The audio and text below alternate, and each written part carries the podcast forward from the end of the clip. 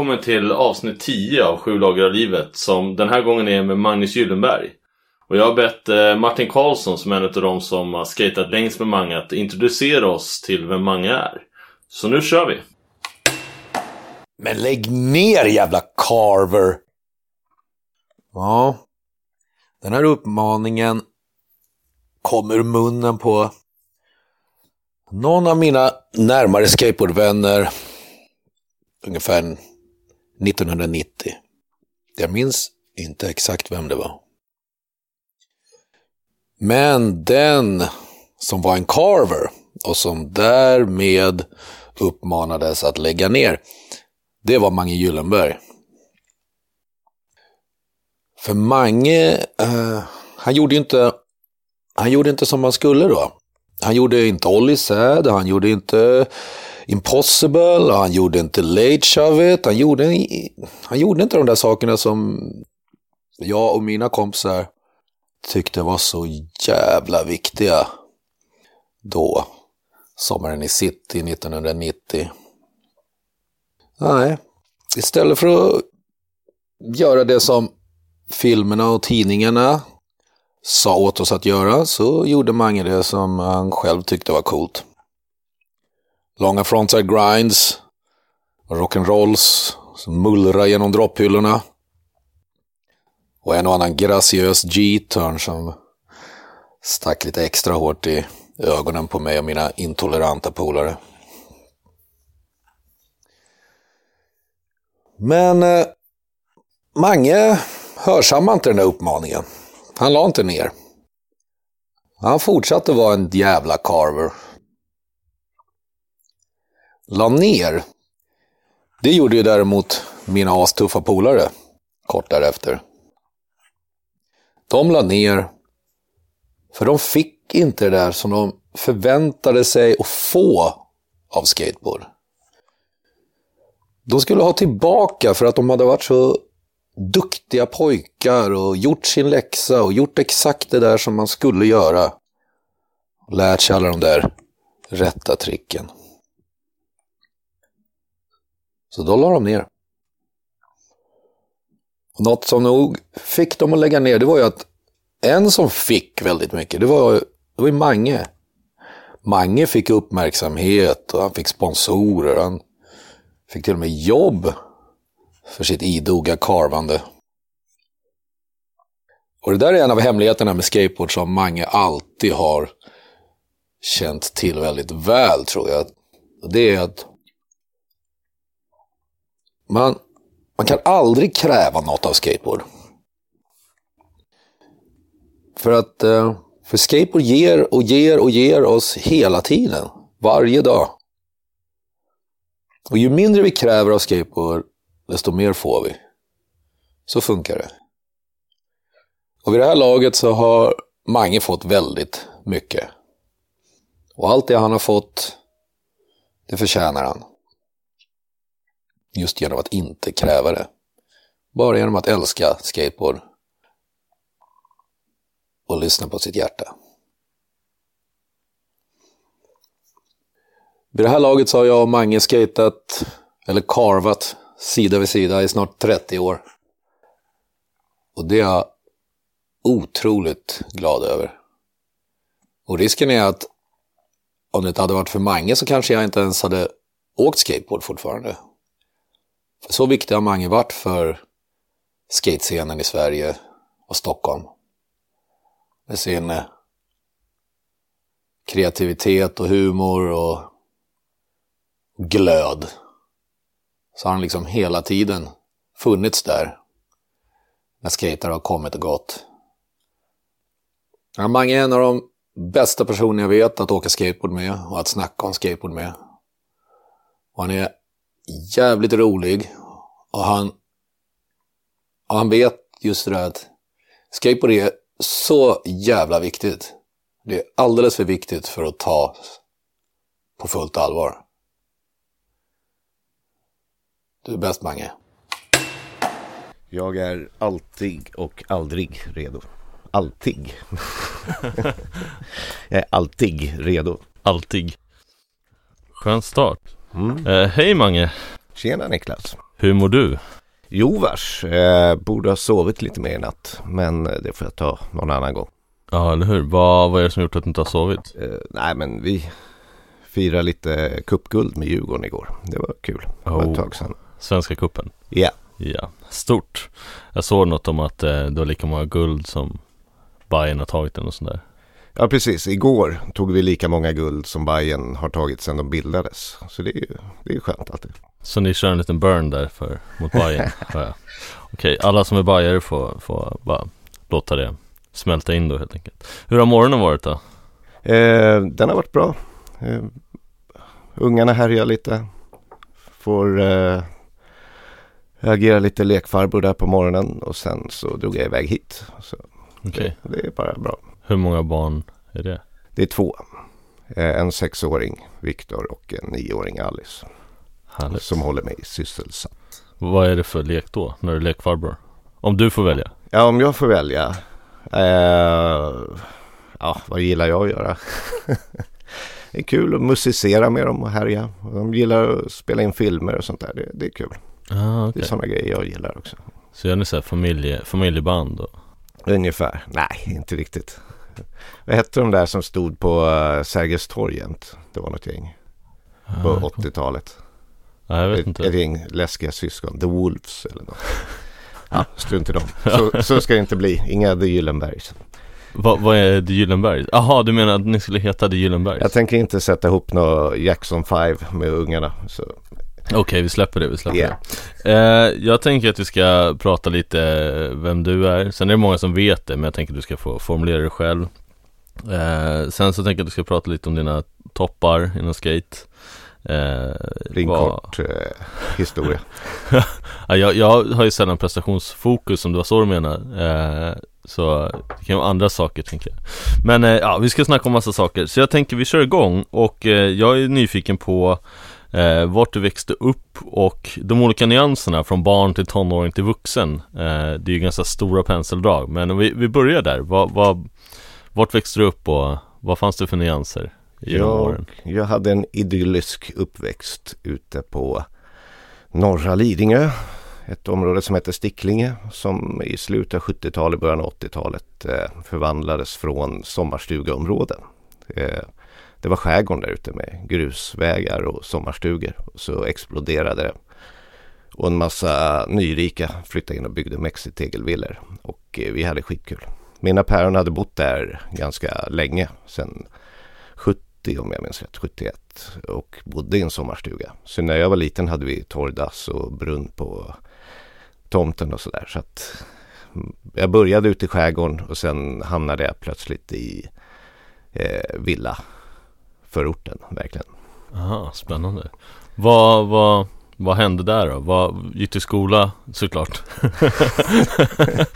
vad gick du för skola? Så här, hur var den skolan? det fanns inte skola där ute, det var så bonnigt. jag fick upp och mjölka korna på morgonen. Nej men eh, jag eh, gick i skolan och hade kul. Och om vi hoppar fram till eh, när jag fick upp ett intresse för skateboard så var det där i mitten, slutet av 80-talet, runt 87. Som vi hade hållit på och åkt BMX något år, jag och alla polarna, bränt runt där. Kolla på BMX Bandit så fick vi upp ögonen för skate. För allt fler började få skateboard så det blev en stor boom där. Eh, gick och såg Polisskolan 4 och skallen sprängdes. Och fortfarande idag när jag ser den scenen med Bones Brigade när de skatar street där på kvällen så är det typ bästa skatepeppet jag kan få. Eh, jag hade varit och sett den på bio och eh, då var jag tvungen att skaffa en skateboard. Det känns som att många i, i, ja, de som började skata under den tiden blev inspirerade av just Polisskolan 4. Det är typ den viktigaste filmen i mitt liv. Ja. Ja, jag, jag lyssn- det finns ju Skateboardpodden också, jag lyssnade, jag kommer inte ihåg vilket avsnitt det var men då sa de det att det kändes som att det var omöjligt att göra de där sakerna på gatorna och så såg man det i Polisskolan 4 eh, Just när de slidade också. För det var någonting jag inte riktigt, eftersom jag inte hade sett någon skatefilm och sådär. Utan hade bara haft hattningstävlingar på skolgården och, och sett lite bilder och sådär. Men när de åker runt där och slidar, det såg helt overkligt ut. Så här, 360 slides och sånt. Och det, de ser ut att ha typ så här 92 Durometershjul eller något men det kanske är 97 jag vet inte. Grym, grymt var det i alla fall. Ja. ja, jag har också sett den.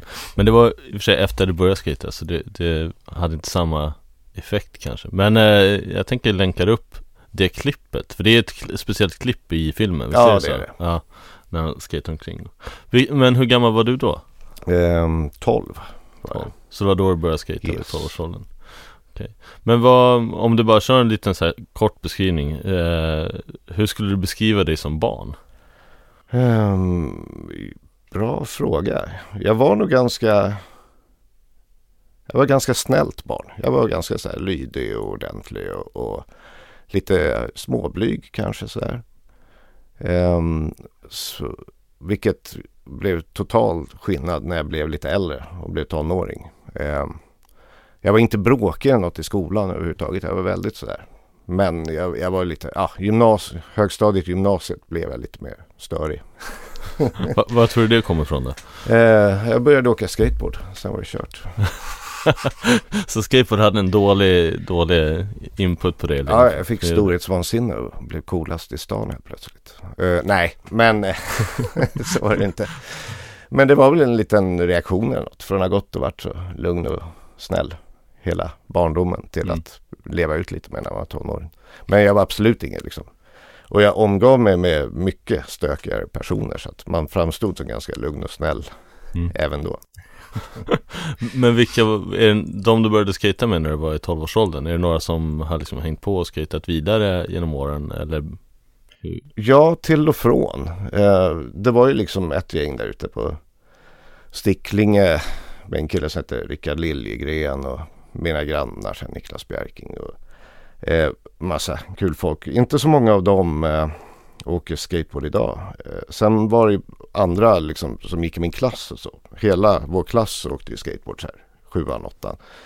Eh, och Erik Rune är en snubbe som har åkt lite till och från. Jag, nu har jag inte sett honom på brädan på länge. Och en kompis Jakob Axelman, han bor i New York nu. Han skejtar lite då och då. Men det är ingen, nu glömmer jag säkert någon. Alltså Martin Ander dök ju upp där. Han var ju från eh, en annan del av ön. Så här. Men han fick vara med efter ett tag. Eh, eh han åker ju fortfarande. Eh, vi ses ju en del och sådär. Men ehm, jag glömmer ju folk nu säkert. Jag är helt hopplös. Jag kan minnas här datum och årtal på när någon skate film släpptes eller detta då. Men jag kommer inte ihåg så här viktiga saker som vad ens polare heter och sånt. då, då, om, ni, om det är någon som känner sig glömd så får de skicka in sig bara Mange du glömde mig. Ja, typ. det får ni gärna göra. Jag, jag har glömt er alla. Ja. Sorry. men, men sen tänker jag, när du fortsatt, har, har du fortsatt skata oavbrutet sen dess? Ja, jag har fan åkt skateboard hela tiden sen eh, vintern 87-88. Eh, mitt längsta uppehåll har varit vid en bruten fot 91 och ett avdraget sidledband 2007. 2007. Eh, då var det ungefär åtta veckor båda gångerna. Mm. Så det, det, är det längsta uppehållet. Sen sitter jag inte här och påstår nu att jag åker skateboard varje dag nu för tiden. Men någon gång i veckan får jag till det i alla fall. Mm. Eh, sådär, så att eh, det har varit utan uppehåll i 30 år i alla fall. Mm. Det, det, känns som, det finns en klick som du började skate med i Stockholm sen har jag förstått det som. Eller det är väl ganska uppenbart kanske också. Men, men eh, man hör ju ofta så här när typ Martin Karlsson berättar om saker eller ja, massa andra. Eh, och den här klicken in i Stockholm, när, kom, när gick det liksom från att skate ute på Lidingö till att börja skata med de som är inne i Stockholm? Eh, och liksom Stockholms, jag vet inte om man ska säga Stockholmsligan, det är kanske jag som hittar på nu. Nej, nej, nej absolut var det så. Och det var 1989 mm. på våren. Eh, för jag kommer ihåg 88, det var då vi liksom lärde oss skate och då var vi ute där på Sticklingen. Vi hade byggt på en vändplan en stor quarterpipe eh, och lite boxar och hade en boardslide-stock och lite sånt där. Eh, så där skatade vi hela liksom, sommaren 88. Sen Eh, 89 började vi dra in till stan mer. Vi var inne lite också 88 sådär. Men då var det Lidingö-klicken som vi åkte. Sådär. Men 89 och då började vi hänga på Bad Boy Skate Shop på Skånegatan och på Street Style. På Olofsgatan vid Hötorget. Eh, och då lärde man känna alla, alla citykidsen som Milko och Andreas och Adam Freiholtz och, och Sen ehm, eh, lärde man känna Södertälje-gänget med Martin och Rogge och, och dem och Upplands Väsby-gänget och Kungsängen-skejtarna och ja, då alla kom in till stan och hängde vid de här skateaffärerna och gjorde Ollie Sads på flat. Förutom jag som aldrig har kunnat grabba backside. Är det ett life goal? Nej, verkligen inte.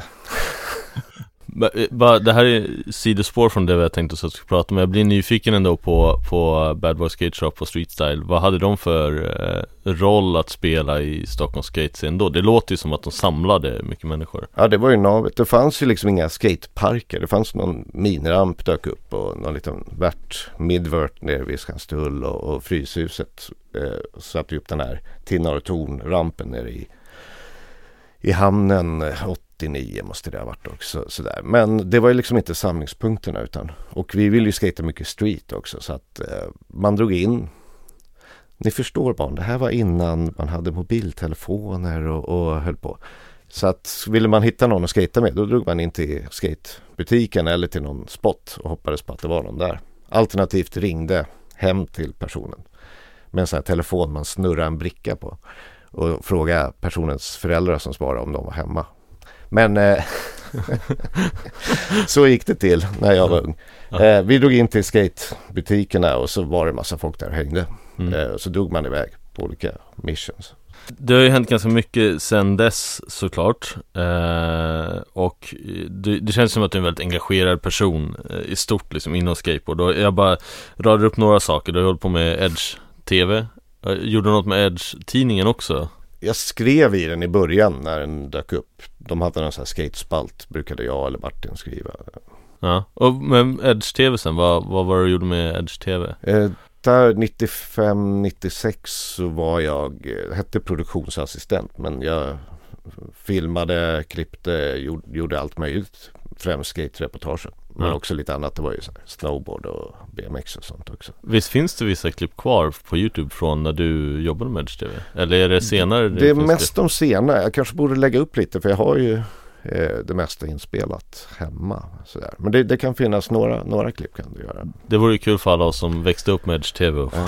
Jag tror det finns något skönt collage som jag och eh, pa Pascal Stryber filmade och så klippte ihop som en liten så mixdel. Mm som, som var sånt där vi fyllde ut programmet med. Så det var som en 411 väldigt mycket. Och det var, blev mer och mer skate i Edge TV också. Så här. Det var det jag var intresserad av. Och Henrik, producenten, var ju också så här. Han gillade ju det. Så att, eh, jag ska klura om det finns något. Men jag tror i alla fall någon sån liten mixgrej ligger ute. Och, och, det var på ZTV eller hur? Det var på ZTV. Eh, sen så, jag skrev ner eh, Funsport mm. eh, vad, eh, Hur kom Funsport till? Bara lite kort, jag ska inte fördjupa oss i de sakerna men jag tänker att det är viktigt att lyfta Ja, Nej, men det var ju eftersom jag hade gjort massa fanzines och en mer eller mindre regelrätt skate-tidning i början av 90-talet som heter Frontside. Eh, nu kom den bara ut ett par nummer men ändå. Eh, så att jag var ju liksom en av dem som skrev om skateboard sådär. Och eh, då kontaktade, var det Pelle Jansson som jobbade på förlaget Fansport som gav ut en mountainbike och en snowboardtidning. Sa vi skulle vi ge ut en skateboardtidning också. Så att det var jag och Martin Karlsson och lite fotografer sådär involverade. Så det var så jag kom in i det. De, de kontaktade oss. Vi hade ju sprungit på Pelle jättemycket på olika snowboard happenings och sånt. För det var en helt annan scen där i mitten, början av 90-talet. Eh, I Stockholm så, så var det liksom alla snowboardtillställningar om det var någon videopremiär eller jada jada. Dök alla skater upp och drack gratis öl. Och på alla skate-tillställningar dök snowboardgänget upp och drack gratis öl. Så, så det var rätt, det var lite, det var rätt tajt scen mellan skaterna och snowboardåkarna där. Så att i och med att de redan gjorde en snowboardtidning så hade de kontakter i skatevärlden också så blev vi inkopplade. Jag, jag kommer ihåg frågespalten där är alltid rolig, vi ska inte fördjupa oss i den. Men eh, jag blir nyfiken på om du har någon favoritfråga och svar från Fansports frågespalt som du kan här, lyfta. Uff, Annars så klipper vi inåt sen. Jag, jag förtränger dem jämt för att det var så jäkla original Men eh, jag, jag minns ingen sån där. Men vi läste ju mycket Big Brother, den tidningen mm. Som Steve Rocco startade och som var väldigt anarkistisk och eh, juvenil och rolig och grym. Eh, så att, och i deras brevspalt var det också en ganska syrlig ton om man säger så. Mm. Så att eh, eh, jag har inget rakt exempel men det går kanske att hitta något bra bild eller något sådär. Men eh, ja, ställer du en fråga till en bakfull 20-årig dryg skate-redaktör som är lite dum frågan alltså så får du räkna med ett syrligt svar. uh, jag tänkte giftorm, hur delaktig var du i Giftorm när det drog igång? Inte alls särskilt faktiskt. Jag var lite inkopplad när, när de satt Andreas och, och Martin och Nicke och, och, började planera liksom starten av den. Men jag var just då hade jag gjort så mycket olika grejer. Det var ganska tätt inpå när jag hade sagt upp mig från Fansport. Och, så jag kände att, eh, och sen är jag lite kontrollfreak och eh, har en tendens att om jag går in i något så bara dundrar jag in. Och så tänkte jag med, med det här gänget som jag känner så bra kanske jag ska ta ett steg tillbaka och inte vara delaktig för en gångs skull. Så att eh, jag började skriva för Giftorm sen efter ett tag sådär. Men eh, jag, jag hade inget att göra med starten och det liksom. Just det. Men visst, det var Nicke Svensson, Martin Karlsson och Andreas Engelkes. Precis. Ja, så bara för, för de som inte hänger med vilka Nicke, Mange och, och Andreas. Ja, men du vet det var Berka och Sudden och det var fina grejer. eh, så jag skrev ner, jag inser att jag har skrivit ner sånt som jag har vuxit upp med inom skatescenen. Du har säkert gjort massa andra saker också, men Washed Up skrev jag upp också. Mm. Eh. Det höll vi ju på med väl fort, jo, medan giftorn drog igång. Det höll vi på med fram till 06 eller något. Där var jag desto mer, det, det var i mångt och mycket sitter jag och tycker nu så kommer Martin och Nicke, bara vad snackar de?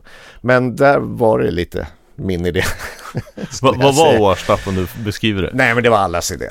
Här sitter jag i självgod. Uh, vi, vi var 25 år gamla och tyckte att vi var helt uh, liksom över kullen och totalt liksom omoderna kassaskejtare uh, som bara hade festat de senaste fem åren och helt tappat det till en ny generation som kom och var skitduktiga och bara matade grejer som robotar.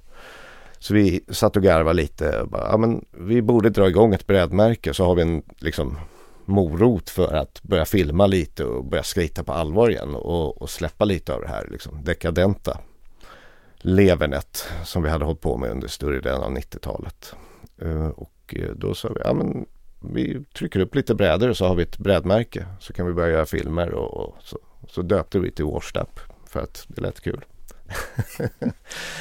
eh, och eh, stämde lite tyckte vi.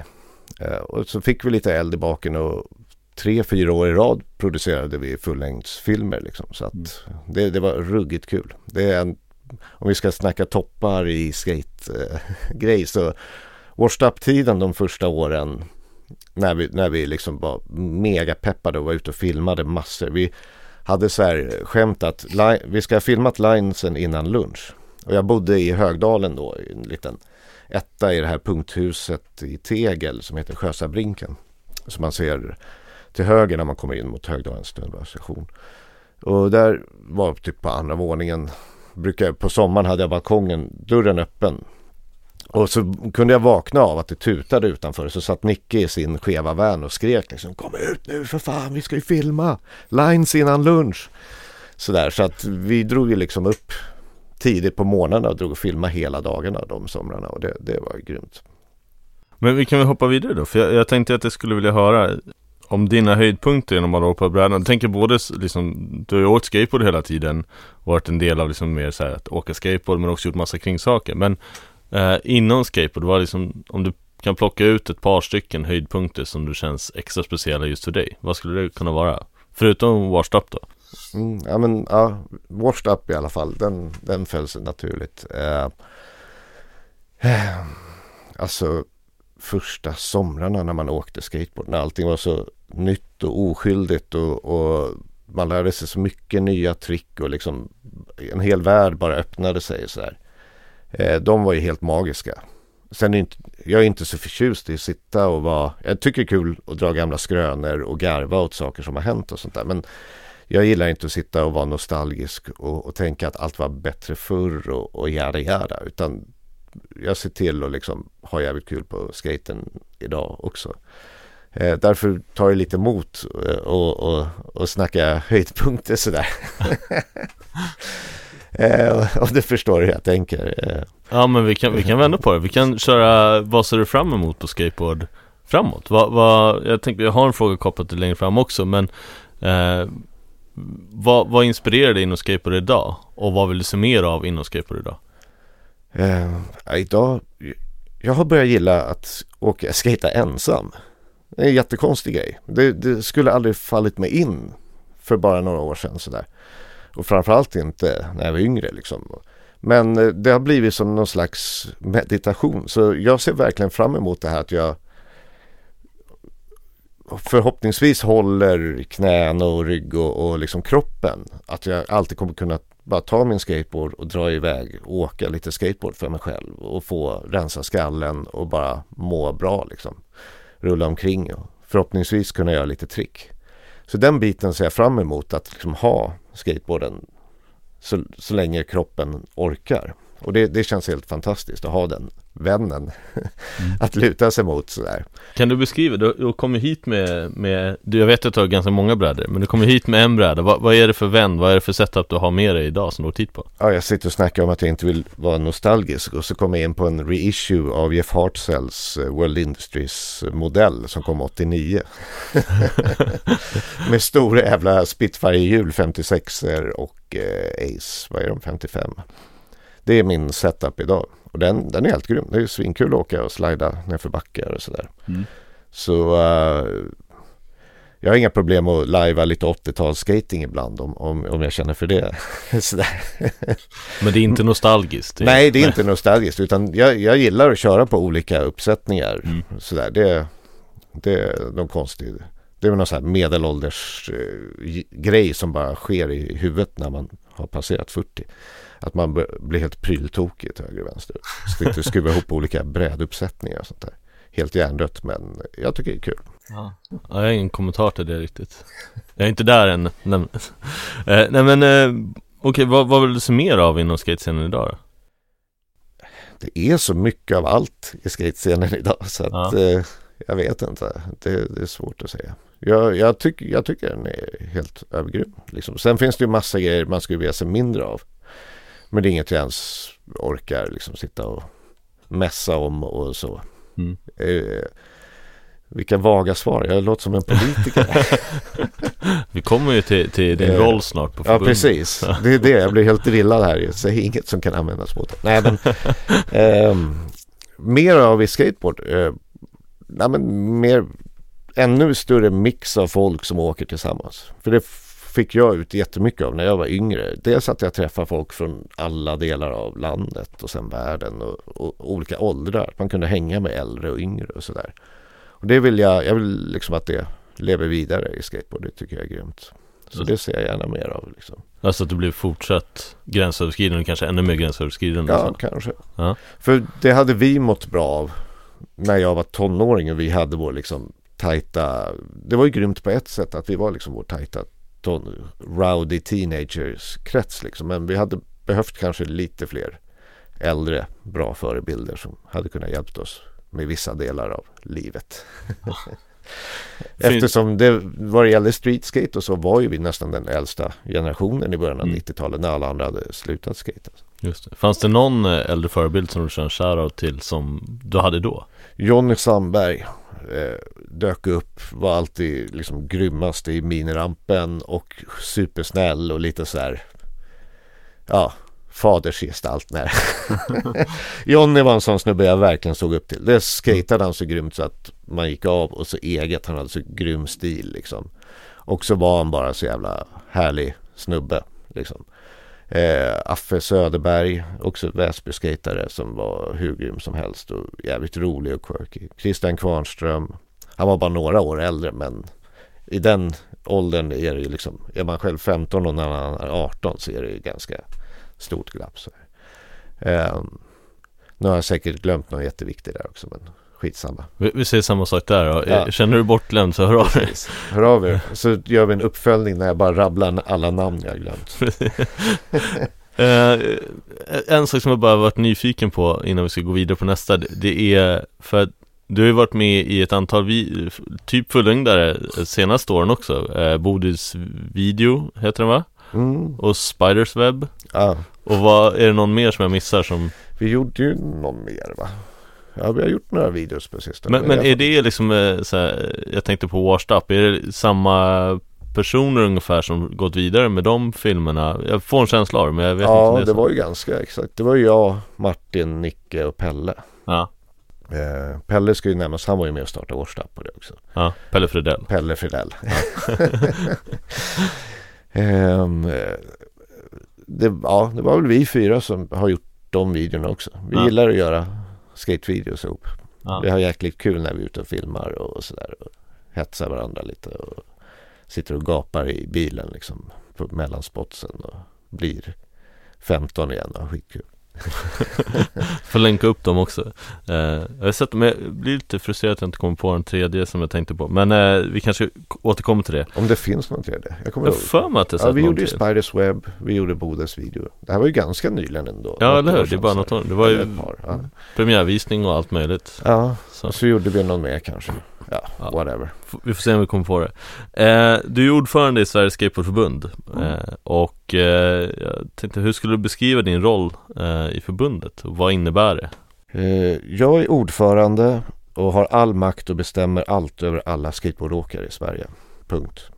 Nej, Ironi säger vi då så att det, ironi för er som eh, inte växte upp på 80-talet. höll jag på att vara ordförande handlar väl främst om att eh, skapa en bra stämning i styrelsen och få jobbet att rulla på och se till att de anställda på kansliet eh, också har, känner att de har en okej ledning och att, att förbundet liksom har en inriktning vart vi vill gå. Och sådär. Eh, så det handlar väl om det. Det handlar väldigt lite om att sitta och, och detaljstyra och bestämma grejer. Visst, vi sitter på styrelsemöten och diskuterar saker. Och ska vi göra det här eller inte och så. Och där har jag åsikter för det mesta. Eh, men jag är absolut inte någon auktoritär ordförande som, som liksom vill sitta och bestämma saker. Utan jag försöker lyssna på vad... För förbundet är ju föreningarna. Det är ju det som hela grundgrejen är. Sveriges Skateboardförbund är ju inte en styrelse med individer som sitter och bestämmer saker. Förbundet är, någon, är alla för, medlemsföreningar samlade och vår enda uppgift är ju att göra som föreningarna vill. Så vi försöker lyssna in dem, försöker titta på vad det är för verksamhet som försiggår ute i landet. Vad sysslar skateboardföreningarna med? Och utifrån det försöker vi hitta på bra grejer. Och så så att eh, det är väl min roll. Att vara bara sista instansen för vad förbundets medlemmar, det vill säga föreningarna, vill att vi ska hålla på med.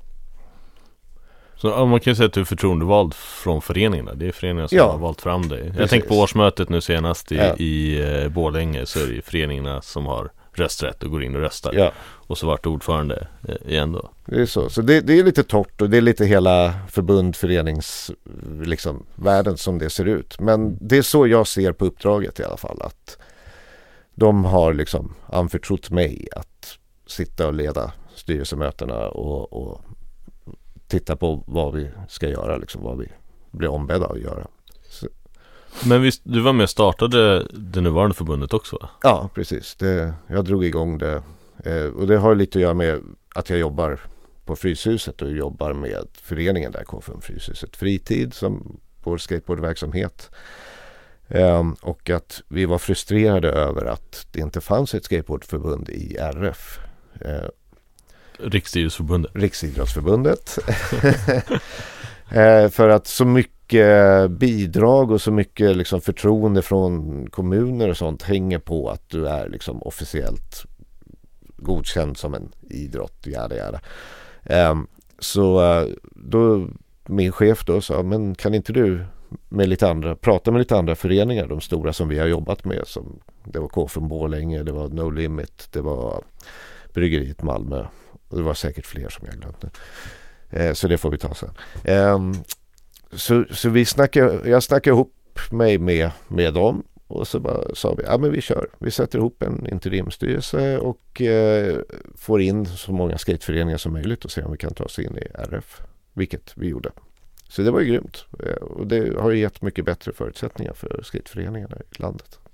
På, på vilket sätt har det gett bättre förutsättningar? De kan söka pengar, de har automatiskt försäkring för sina medlemmar. Eh, de kan vara med och påverka eh, hur, och nu, alltså nu när vi pratar Skateboardförbundet känner jag att då handlar det bara om föreningsbiten med skateboard. Alltså Skateboardförbundet lägger sig inte i hur du åker skateboard alltså, utan det handlar bara mer om hur du organiserar dig.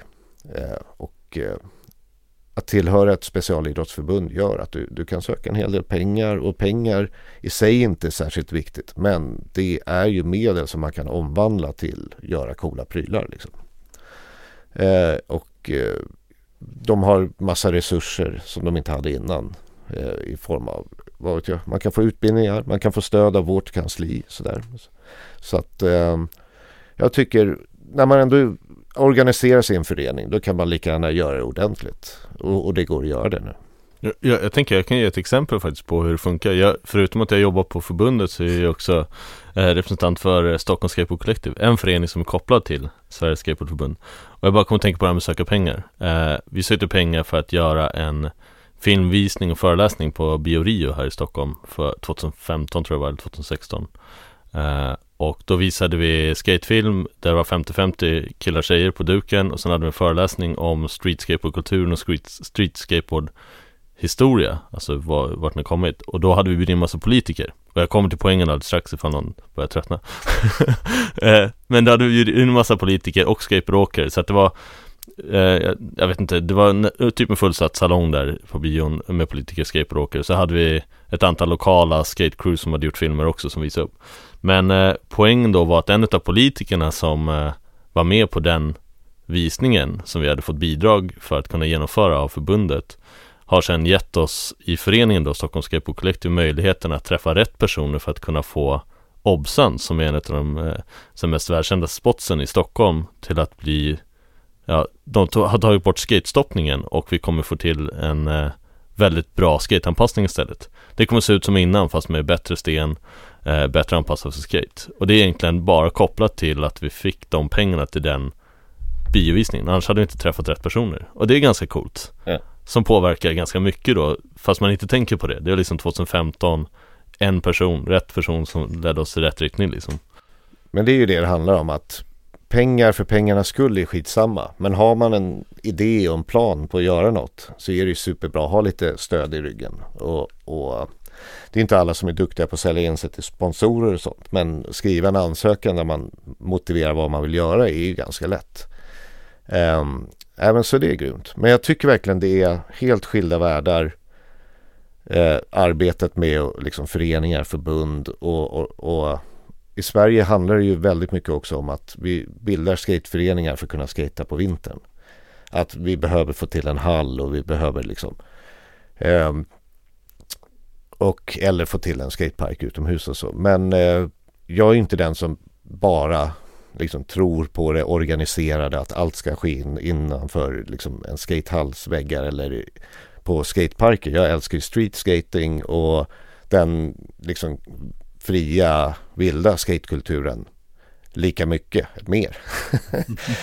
Så att eh, jag ser ju bara att det, det, är en rent praktisk grej att vi behöver organisera oss på det här sättet för att få till framförallt vinterhalvåret skatingen där men också för att behålla skateboardkulturen grym som den alltid har varit liksom. Att är vi, är vi inte organiserade kanske någon annan kliver in och, och börjar domdera eh, om vi inte själva har makten i våra händer. Och skateföreningarna är ju liksom folk som kan skateboardkulturen och, så, och som är gamla skater och, och, inte bara, det finns ju massa andra som engagerar sig också men de lyssnar ju på skaterna och så här. Så att det handlar ju lite också om att behålla friheten kan jag känna. Att vi organiserar oss på rätt sätt. Sen får inte det ta över så att det bara handlar om det och vi blir som vilken annan idrott som helst. Så där. Utan det måste ju vara lite kaos och anarki också. men, men ibland kan jag tänka jämförelsen ett skateboard crew och en förening.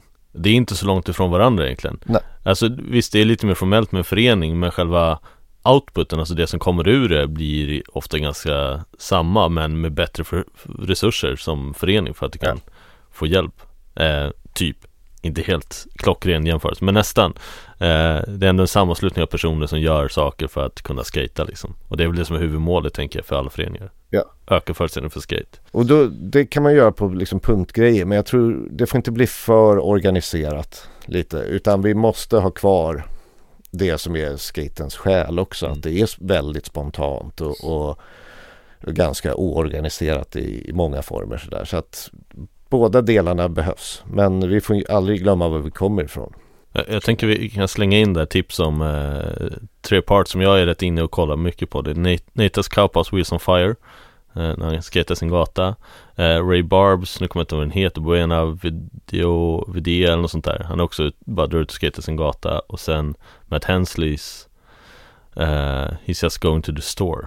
Äh, Googla de tre så, så får ni känslan av eh, vilken Barbie, var det The Firm-filmen eller? Jag är lite osäker. För det är Alltså. typ den bästa skatefilmen någonsin. Är, är det den han kliver bara ut genom dörren, skater Ja, ner på precis. gatan, möter upp kompisar? Möter upp Joe Gruber och Keith, bröderna Gruber och så skater Ja. de lite skolgård och Ja. jag för mig att den heter något så här typ Nuevo Vida. Den heter lite som den här tjockare, något på spanska. Ja, för mig. Med den här uh, Hindenburg-kraschen i början till Mm. Simon Garfunkel. Den filmen, The Firms, deras första film de släppte, Mm. den är så bra så att det är helt sjukt. Och den kom 92.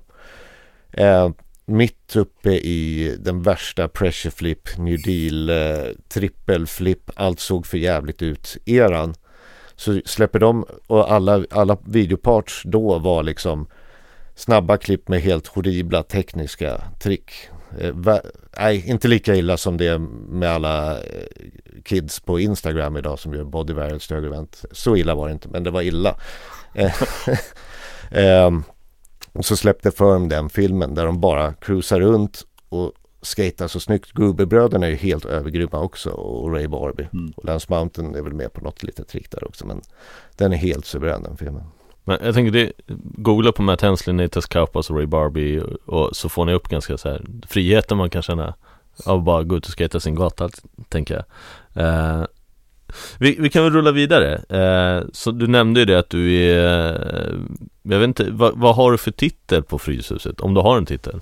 Eller vill du ha en titel? Nej, jag, jag vill inte ha någon titel. Jag gör väldigt mycket olika saker där Mm. eh, runt liksom allt från att sitta och göra en flyer för en tävling till eh, sitta och jobba med att söka ett bidrag för ett projekt till att hålla i det projektet. Ja, så jag, jag gör massa olika där eh, och är inte så förtjust i titlar. Sitter en person som är ordförande i ett idrottsförbund och säger men ja, ni får tro mig om ni vill.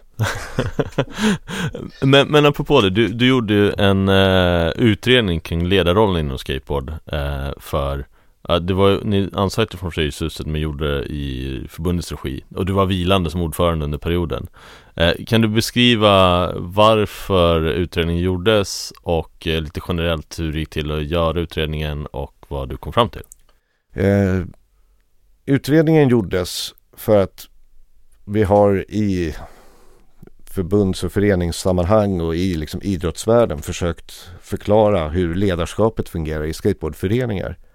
Och det är väldigt annorlunda mot eh, traditionella idrotter och så. Där finns väldigt tydliga tränare, det finns olika typer av coacher. Eh, sådär. Men i skateboard så är det väldigt sällan någon som har en tydlig ledarroll. Samtidigt i föreningarna finns det väldigt mycket grymma ledare som tar hand om medlemmarna, tar hand om kidsen och, och de äldre och sådär. Ehm, så jag gjorde ett gäng intervjuer med olika personer i olika föreningar Eh, och även en historisk bakgrund. Hur har det sett ut tidigare? Där jag även intervjuade folk som har varit liksom viktiga för svensk skateboardhistoria.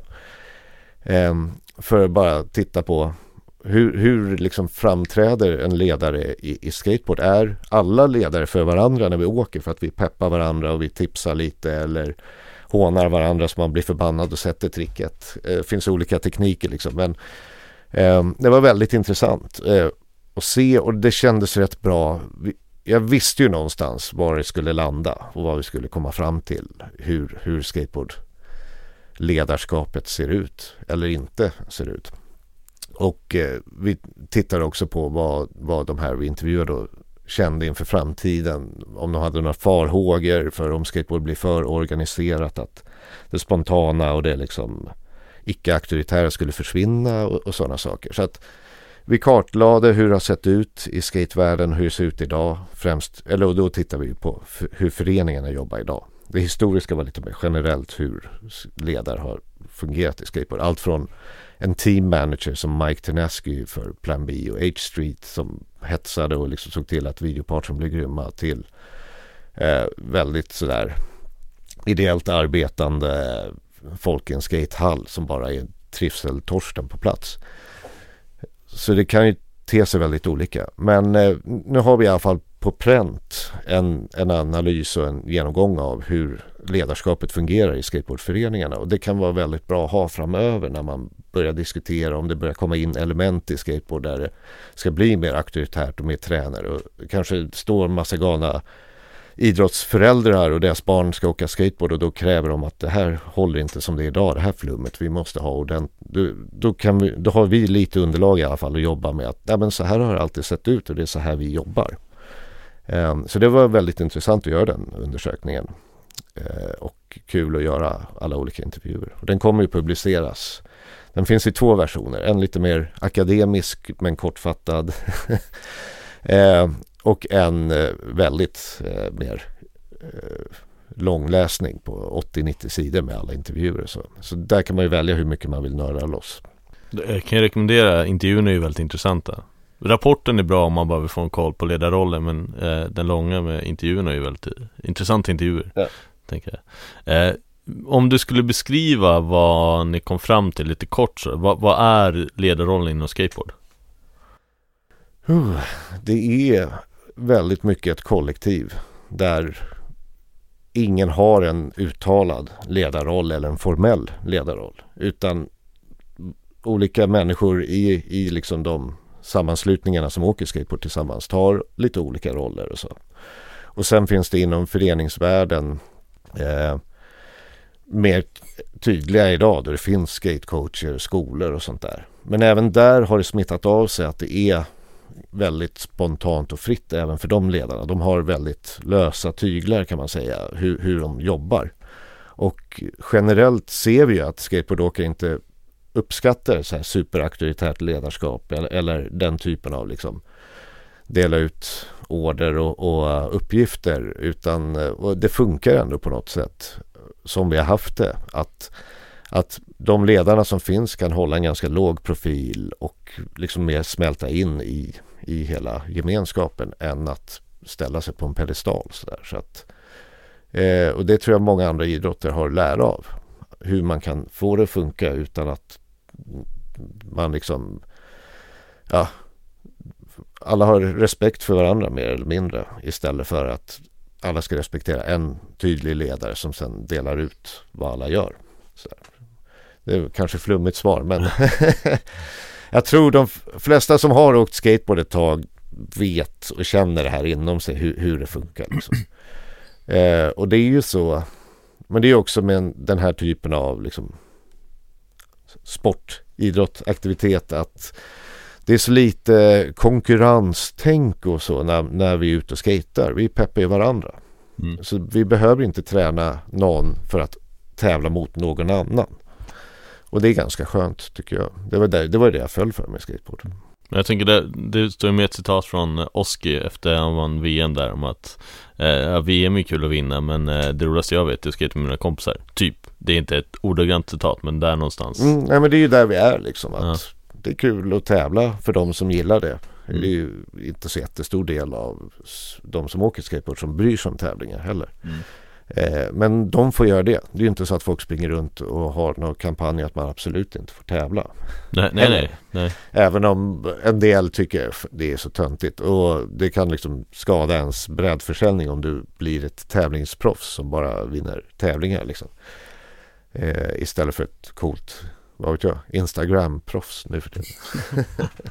Men, men jag, tänker, jag tycker det var ganska intressant när jag läste den så Det, det är ju massa saker man kan plocka ut men, men så här, saker som Vissa beskrev att när det finns, alltså jag vet inte om man ska kalla det formella ledare, men det finns coacher eh, som på Fryshuset till exempel, att det var sån en trygg zon. Alltså om jag kände att jag inte, jag behövde liksom stöd så kunde jag åka dit och då handlar det inte om att lära mig mer skateboardåkning utan mer bara att det fanns en person jag kunde vända mig till om jag ja, men kände mig ensam eller bara behövde någon i stunden. Och sen att man skejtade ihop med ledaren istället, det är ganska intressant. Mm. Jag tycker det är ganska coolt om man jämför med traditionell idrott där det är en ledare som står och liksom bestämmer vad alla andra ska göra och sen i skateboard så åker ledaren tillsammans med med åkarna. Alltså det är, ja, jag har tagit med massa saker från det. Jag läs rapporten. så, eh, men, men, det är väl det sociala som är det viktiga känns det som. Ja, det känns som det. Det är ja. där skateboardledare är ofta mer fritidsledare än tränare. Mm. Katta brukar ju säga att eh, inom skateboard så lämnar ledaren visselpipan hemma. Eh, och det är väl innebörden just det att vi drillar ingen utan vi pushar, peppar och ger friheten att lära sig skateboarding typ. Ja. Eh, eh, men vilka, du samarbetar med några under utredningen. Kan du berätta vilka det var? Ja, det är en organisation på Fryshuset som var med som heter United Sisters. Ja. Som jobbar med att stärka tjejers självkänsla och, och jobbar med tjejgrupper och sånt. Och då jobbade jag eh, främst med Elin Färm heter hon som jobbar där som är jätteduktig. För vi tittade mycket på inkludering och hur kan vi öppna upp skateboard för fler, kanske med hjälp av ledare och hur, ledarna kan ta ett ansvar i att få fler grupper att känna sig välkomna i skateboardvärlden, inte bara tonårskillar med dålig attityd. um, Så, så det var intressant också att vi, vi, vi la in det i rapporten att vi tittade på hur, hur kan vi liksom få skateboarding ännu mer inkluderande. Och där såg vi också då farhågor med det här eftersom det har ju varit för många, för mig var det ju det, en, liksom, en trygg hamn där jag kunde vara den här lite utlevande rebelliska snubben som inte funkade i fotbollslaget. Eh, och gör vi skateboard för utslätat och välkomnande så kanske vi skrämmer bort alla freaksen som har hittat sin lilla nisch i skateboard och trivs där. Så att man måste hitta en balans där också för att mm. det, det, är något vi har lyckats med i, i skateboardvärlden att ge liksom en frizon till människor som inte har hittat traditionella sporter och så. Sen mm. finns det ju jocks inom skateboard också så det, det är liksom när jag pratar om de här grejerna gäller ju inte det här att det är svart eller vitt eller alla eller ingen. Men det är verkligen så att eh, det har varit en liten skön freak-scene, liksom, mm. skateboard. Och eh, där, det måste vi kunna behålla men samtidigt bjuda in flera till, till eh, vår lilla härliga bubbla, vår mm. värld. så, så, det blir lite som att eh, de som då kanske inte hittar sin plats i andra sammanhang men som då är icke-män, alltså som är då tjejer, icke-binära eller vad det nu kan vara, homosexuella också kan få komma in och få frizonen. Det är ja, det vi... det är där någonstans jag hoppas att vi kan landa ja. i framtiden. Okej, jag, jag tänkte vi ska rulla vidare. Um, hur upplever du att skateboard har påverkat dig som person? Om det har påverkat dig som person? Jo, det har det absolut. Um, ja, men det, det öppnade upp världen på ett helt annat sätt. Innan spelade jag fotboll och de gångerna jag kom utanför Lidingö, förutom när man var i stan med och hängde med farsan och så här så var det liksom när vi åkte på bortamatch mötte Atlas Copco eller Älta. Så här. Eh, men med skateboard så blev jag helt plötsligt, hela världen blev mycket större.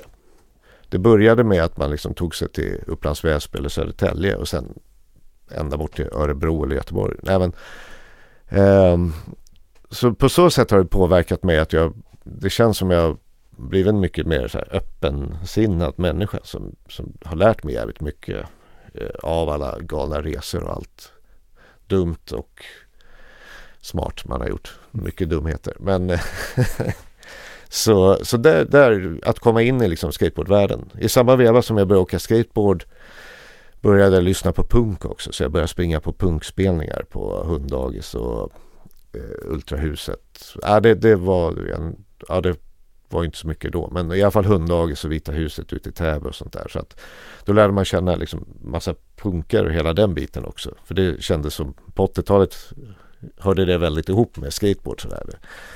Eh, I min värld i alla fall.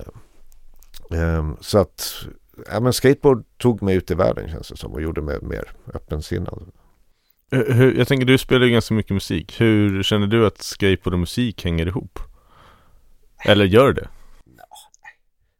Det, det är saker man liksom älskar att göra och då kan det kännas som att det, men ja nej. Jag vet inte. Det, jag spelade ju i ett punkband som hette Skelett som vi startade 91. Som var liksom totalt kaosband och vi hade en massa roliga spelningar på olika tillställningar som främst var liksom skate-relaterade sådär. Eller klubbar och så. Men eh, det, det var bara jag vet inte, det, det, är två skilda saker. Det är det, de hänger inte så mycket ihop.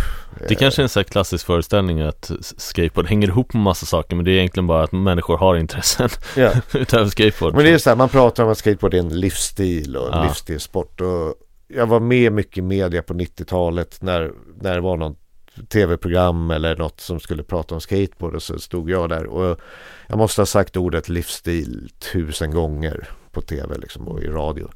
Eh, och eh, för, för mig har det ju varit det.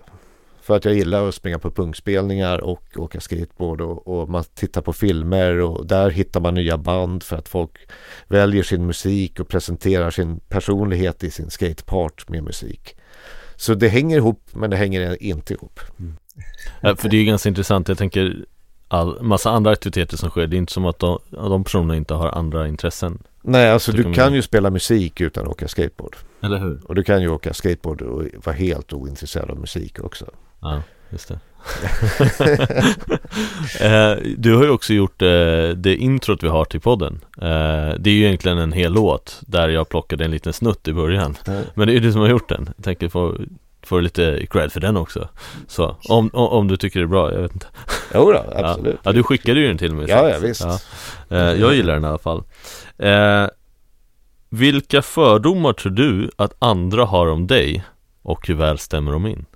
Um, en fördom jag har fått leva med hela livet är att jag är från Lidingö. Och då är man en jävla överklassunge för att man är från Lidingö. Så den fördomen, så fort det kommer upp att jag är från Lidingö så får nog folk lite fördomar att jag har haft silversked och, och liksom um, det är väl en fördom. Eh, sen... Eh, och där vet vi att du bör, i början växte upp med torrdass och... Precis. Nej, jag har haft det supersoft liksom med så här akademikerföräldrar. Så att jag har absolut vuxit upp med glider fram på en räkmacka. Det kan jag inte säga något om. Men jag har aldrig haft särskilt mycket pengar. Men vem fan bryr sig? Men det är i alla fall en fördom ja. som, som jag tror folk har om mig. Eller de som liksom den, den har dykt upp under, under alla år sådär. Eh, vad kan folk mer ha för fördomar om mig? Jag kanske framstår som lite självgod, lite dryg. Är det det då? Kanske, jag vet inte. um, den fördomen kanske någon har. Eller att jag är så här, jag vet inte. Vad kan man ha för fördomar om mig? Att jag är maktgalen för att jag är ordförande i ett förbund. Det är kanske är en fördom. Vad är det det då? Nej.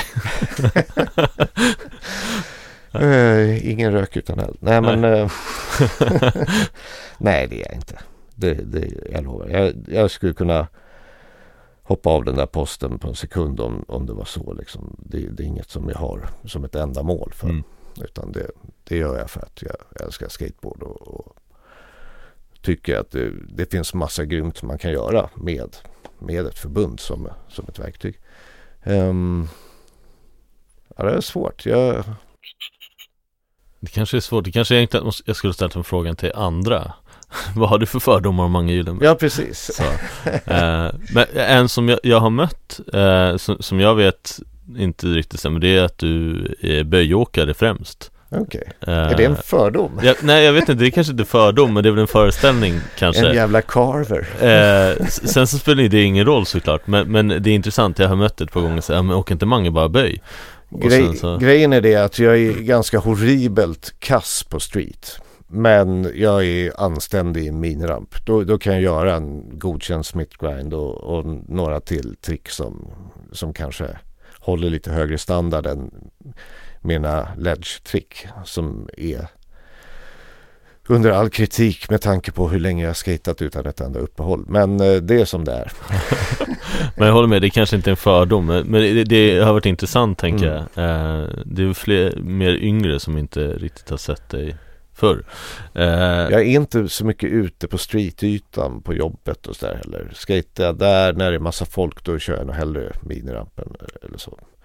Det är lite eh. lugnare stämningen i ramprummet i Fryshuset Jag Street behöver, jag behöver 30 försök på varje trick eh, när det gäller street. Och då har jag hellre, det, det är därför jag drar skejtar själv också. Ja. Ingen som står och skrattar och pekar på mig. Men jag undrar om det börjar bli en Jag gillar också att skata själv Och jag har hört fler och fler i olika sammanhang som gör det Om det är ju så här Väl fria, det gör min grej Nej Ja, det kanske är en ny rörelse. Skateboard kanske blir helt asocialt och ett gäng så här halvt inåtvända typer som bara drar ut och skejtar själv.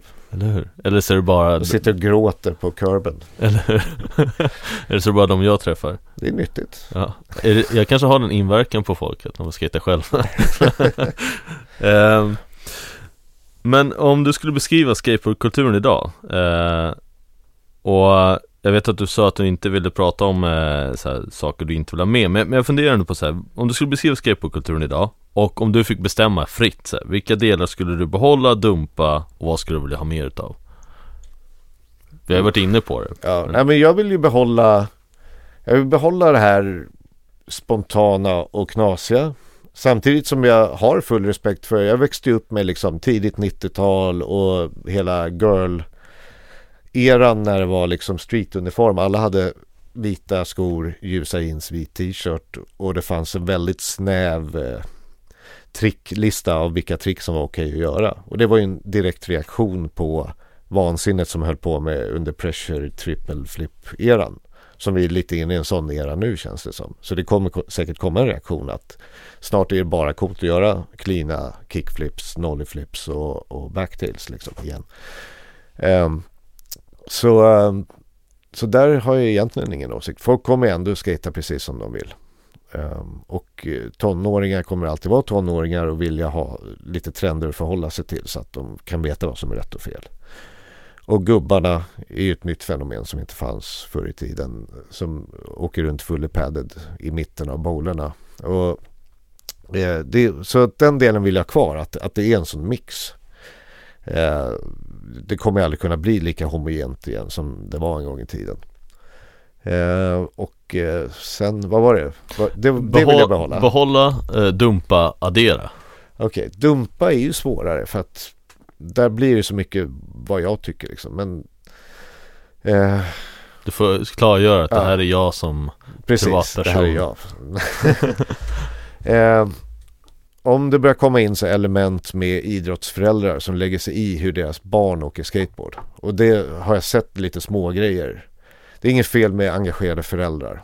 Så länge de inte sitter på streetytan och lägger sig i. Eh, det tycker jag vi kan dumpa om det börjar komma liksom. Eh, skateboard är inte föräldrarnas grej. Det är, det är kidsen som körs pryl och har alltid varit.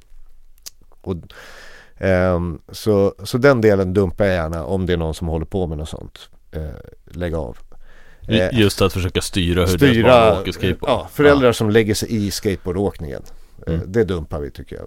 Och eh, vad, vad det Addera, om det är Addera. något du vill Ja, den är svår. Nej, jag tycker allt, allt som är kul med att göra något finns i skateboard. Så att det är bara att plocka fram det. Eh, jag kom på en fråga nu som jag tänkte, du har ju varit med i ganska många podcasts och intervjuer och så Är det någon, eh, om du kan komma på nu så, någonting som du bara väntat på? Det här måste någon fråga mig om som de aldrig har frågat om Så att jag kan få göra det nu då, ifall du kommer på det Eh, nej. Du har svarat på allt genom alla Eh, år ja, nej, jag har aldrig suttit och tänkt så här. Tänk om jag skulle få den frågan. Då jävlar. Mm. Ehm, det, jag har mer oroat mig för saker som jag hoppas att ingen ska fråga. Oh. Nej. Vad är det? uh, ja men du ska få ett slutord sen också ifall du okay. har något men, men jag tänkte att vi ska testa en grej som jag Jag själv tycker är kul, det är kanske ingen annan som tycker, vi får se uh, Men uh, det är oavslutade meningar, det är jag påbörjar en mening och du avslutar den Okay. Uh, så att, uh, och jag har bara skrivit ner, det är väldigt så här, slumpmässigt det jag har skrivit ner men uh, det kanske är kul, vi får se, annars klipper jag bort det. Testa. Min favoritmat är? Den är så svår, den brukar mina barn ställa. Pappa, vad är din favoritmat? Och det är väl för att de aldrig kan få ett ordentligt svar som de fortsätter ställa den. Ah, okay. Jag brukar säga råbiff. Det är fan det godaste som finns en ja. grym råbiff med äggula och kapris och någon riktigt stark senap. Så jag köper det. Jag älskar råbiff. Då, då måste jag tipsa om en, eh, en koreansk råbiff. Nu, nu, blir det nästan lite reklam här. Vi kanske får sätta ett beep beep beep på Urban Deli. Eh, den borde du testa. Fantastisk. Friterad vitlöksflan i och ja, jättegott. Eh, min favorit skateboardåkare är? Jag jag brukar säga Julian Stranger för jag älskar hans skateboardåkning. Och nu, nu, där blir det så svårt för det kan innefatta så mycket, liksom hela attityden eller bara vad de har gjort det eller bara hur de åker skateboard. Så jag måste slänga in, men alla klassikerna gillar jag. Jag gillar Mike Carroll, jag gillar Julian Stranger, jag älskar Gons. Eh, Johnny Sandberg. Där har du mina favoritskateboardåkare. Yes, yes. Eh, om jag var statsminister för en dag skulle jag? Inte få så mycket gjort. eh, ja, vad ska man göra? Ja, jag, jag går inte runt och är upp för att det känns som frågan är lite något man vill förändra i samhället. Och så blir jag så här ultratorr och tänker man hinner ändå inte förändra något på en dag. det kanske är något annat du vill göra än att förändra? Eh, vad skulle jag göra?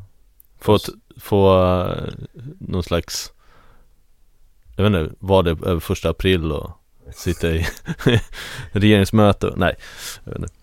Uh, den, den, var lite för klurig för mig. Ja, uh. vi, vi hoppar den och så kör vi um, Ja, vi kör eh, Skateboard för mig är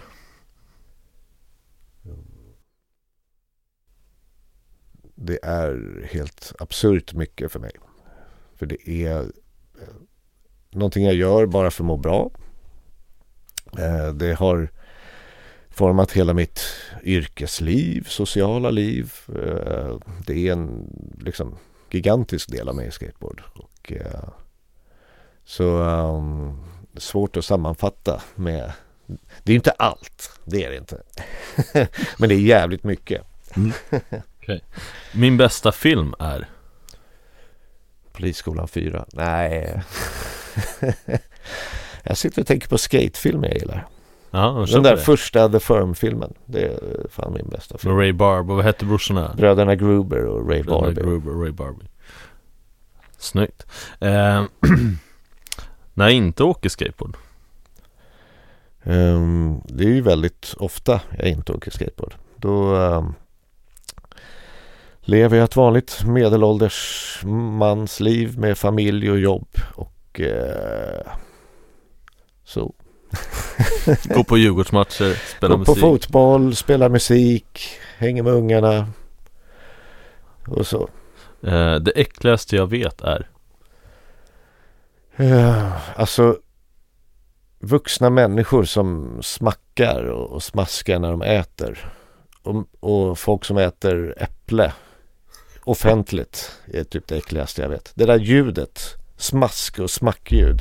Uh -huh. eh, och, och från något sånt där. Och ja, men, om en person sitter och äter ett äpple bland andra människor då tappar jag det. Har jag ätit ett äpple nära dig någon gång? Nej, då hade du fått veta det. det där ljudet. Det, det grejer jag inte. Det är det värsta jag vet. Okej. Okay.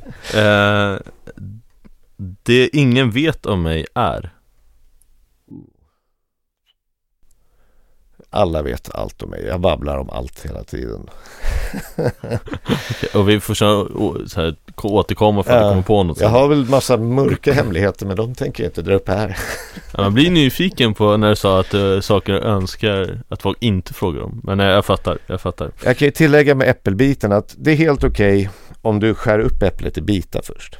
För det är själva intuggandet. Men om du sitter med en påse med äppelskivor som du äter liksom civiliserat som en modern människa i 2000-talet så, så, så är det ingen fara.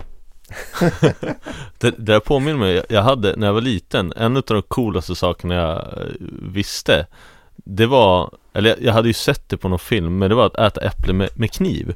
Att du så här skär av en äppelklyfta och lyfter upp den med kniven. Eh, Jättekonstigt Det är ett Bara- värdigt sätt att äta ett äpple på. Ja, vad skönt för, för jag ville göra det men jag fick inte för mamma och pappa För jag var för liten för att använda kniv typ Ehm, Ja, eh, Har du samma känsla när du åker skateboard idag som du hade när du började? Eller vad skiljer känslorna åt när du åker skateboard? Jag hade ju mer energi när jag var yngre. Mm. Eh, Det är sällan jag får den där totala, utan den får jag jobba fram nu. Och väldigt ofta när jag drar och skejtar så är det en ganska halvtrött session, men jag får ju verkligen ut något av det ändå. Sådär. Så att eh, det är inte riktigt samma hets och energi som för 30 år sedan. Det, det kan jag inte påstå. Men vad inspirerar dig inom skateboard idag? Ehm, ja. Det är inte så ofta jag blir så peppad av ett nytt skateklipp. Det kan jag inte påstå. Eh, utan, och inte av att sitta, på sitta och titta på gamla skatefilmer heller. Sådär.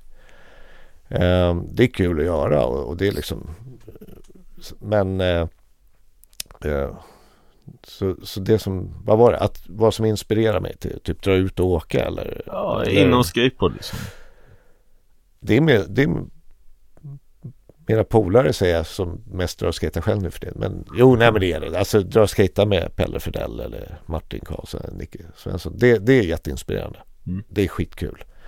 Men också bara känslan av att rulla omkring och, och grinda en liten kant. Eh, bara själva att man gör det. det, det, är liksom, det har satt sig så i ryggraden nu så att jag kan gå så här så känner jag mig helt jäkla deprimerad eller, eller riktigt, riktigt låg.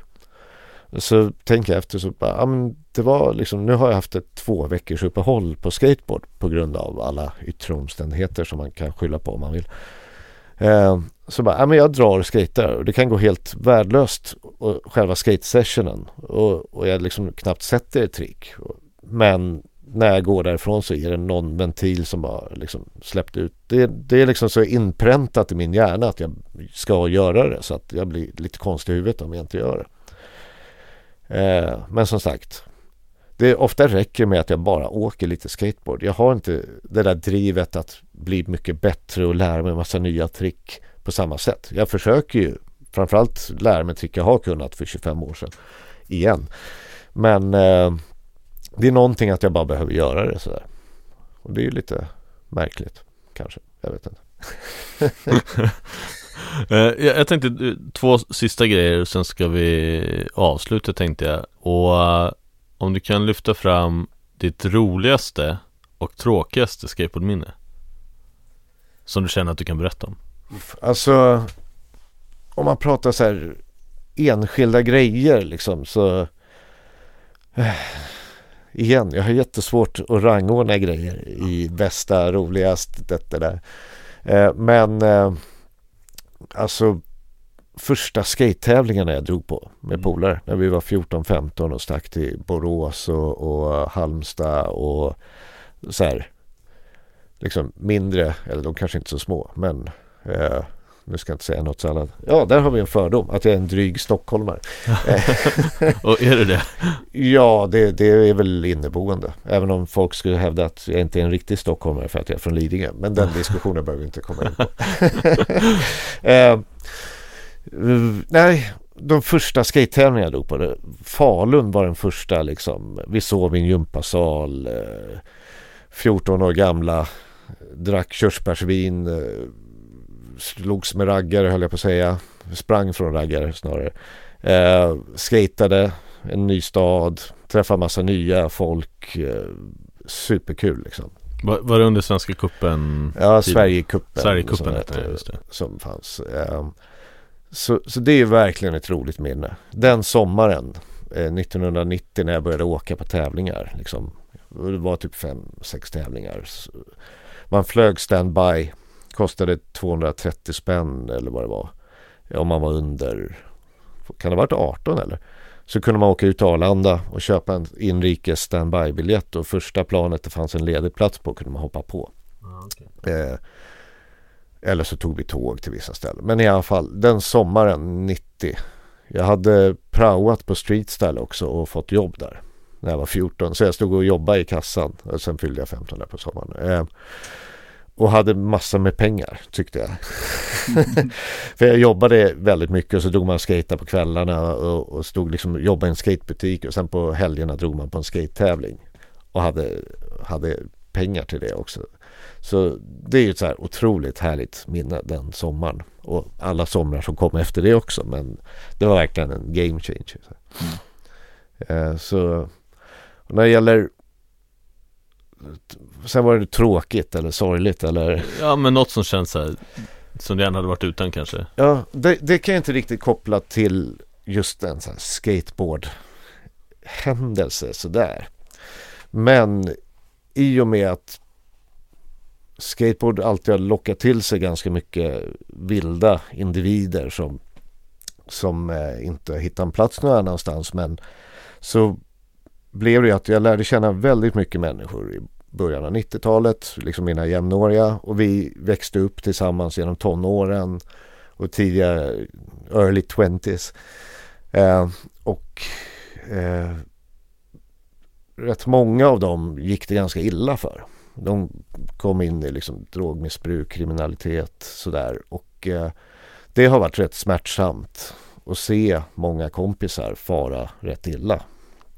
Eh, och hade jag varit kvar i min skyddade verkstad på Lidingö så hade man kanske inte sett lika mycket av den delen. Sen är det ju otroligt lärorikt och så. Jag, eh, jag liksom ångrar ju inte att jag har rört mig i, i en liksom krets där det har varit väldigt många olika typer av människor som haft olika livsöden. Så här. Det, men eh, det har ju varit smärtsamt emellanåt och även idag kan det ju ibland vara lite jobbigt när, när man har kontakt med, med, med sådär. Så att eh, det, det är en sorglig del av det hela. Mm. Och det är lite baksidan av det vilda, roliga, galna.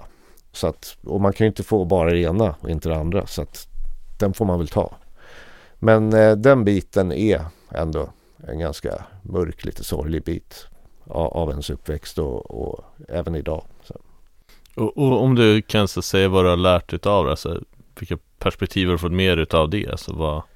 Framförallt att jag själv har haft en otrolig tur som inte har haft, liksom, som ändå var stort sett, ja, var med i liksom samma gäng och gjorde väldigt mycket samma saker och var också otroligt vild från liksom tonåren upp till igår. Eh, att jag ska skatta mig otroligt jävla lycklig att jag inte är en av dem som har farit väldigt illa och idag mår väldigt dåligt. Mm. Eller är död som en del är. Mm. Eh, så där har jag en väldigt stor liksom, så här, ödmjukhet och tacksamhet att jag har kunnat leva den livsstilen utan att fara så illa som en del har gjort. Mm. Eh, och det är inget jag klappar mig själv på axeln att jag är så förträfflig och, och klarade av det utan det är bara ren jävla bonröta liksom. Jag kanske skulle vänt på det där. Tagit det tråkiga först och roliga sen. eh, egentligen så går det ju att fördjupa sig jättemycket i det ämnet, men jag tänker vi ska, vi ska ta, en, jag kommer på en grej till. Har du någon som du skulle vilja höra bli intervjuad i, i Sju dagar av livet? Eller du kanske har fler, men är det Mm. någon som du kommer att tänka på som du tycker vore kul att lyssna på? Eh, ja, eh, det finns ju ett gäng. Eh, det skulle vara kul att höra kanske Måste jag tänka, vilka är det som har varit med? Jag har inte... Alltså, Ali Bolal har varit med, Ja. eh, Nisse Lilja, eh, Axel Lindqvist Fredrik Agner Anna Hogner, Fanny Ahlström, Sus Eriksson, eh, Katta Sterner, Mm. Johanna Juselius, Sara Mörle Shit, jag får inte heller glömma Och sen en massa mini-intervjuer från. Skruv och Skate Ja. där också eh, Och sen så kommer med Puttis ehm, Emma Fassen Lindgren och Fabian Ryd här nästa vecka också Så ingen utav dem behöver väl? Nej, jag tänker på en av de få tjejerna som skatade under 90 och 00-talet som fortfarande skater och det är Madde Uggla. Ja. Hon skulle vara kul att höra hennes story. Eh, hur, hur hon upplever hela liksom, skate-historien från hennes perspektiv. Så där. Just det. Eh, Körde för Bellows ett tag också va? S- ja, Samtidigt som Sara Mörle var på Bellows också ja jag, jag har dålig koll på sponsbiten där. Ja, men ja, men- ja, det är hon har alltid varit samma grym era. skatare Ja. liksom, och är ju det fortfarande. Eh, så eh, henne skulle vara kul att höra. Ja. Och eh, ehm, vad finns det mer? Ja men det finns ju hur många som Ni hittar Ja. så många bra intervjuer. Jag behöver inte komma här och önska saker. Det var det ordförande som kom in här och Precis. sa att Nu ska tycker ta... Eh, Jag tänkte att vi ska runda av med att eh, du får möjligheten till ett slutord eh, ifall du känner för det. Absolut. Um, och skateboard har kul. Det är inte så jävla allvarligt. Även om det är livet. livet är inte så jävla allvarligt heller. Ha det bra.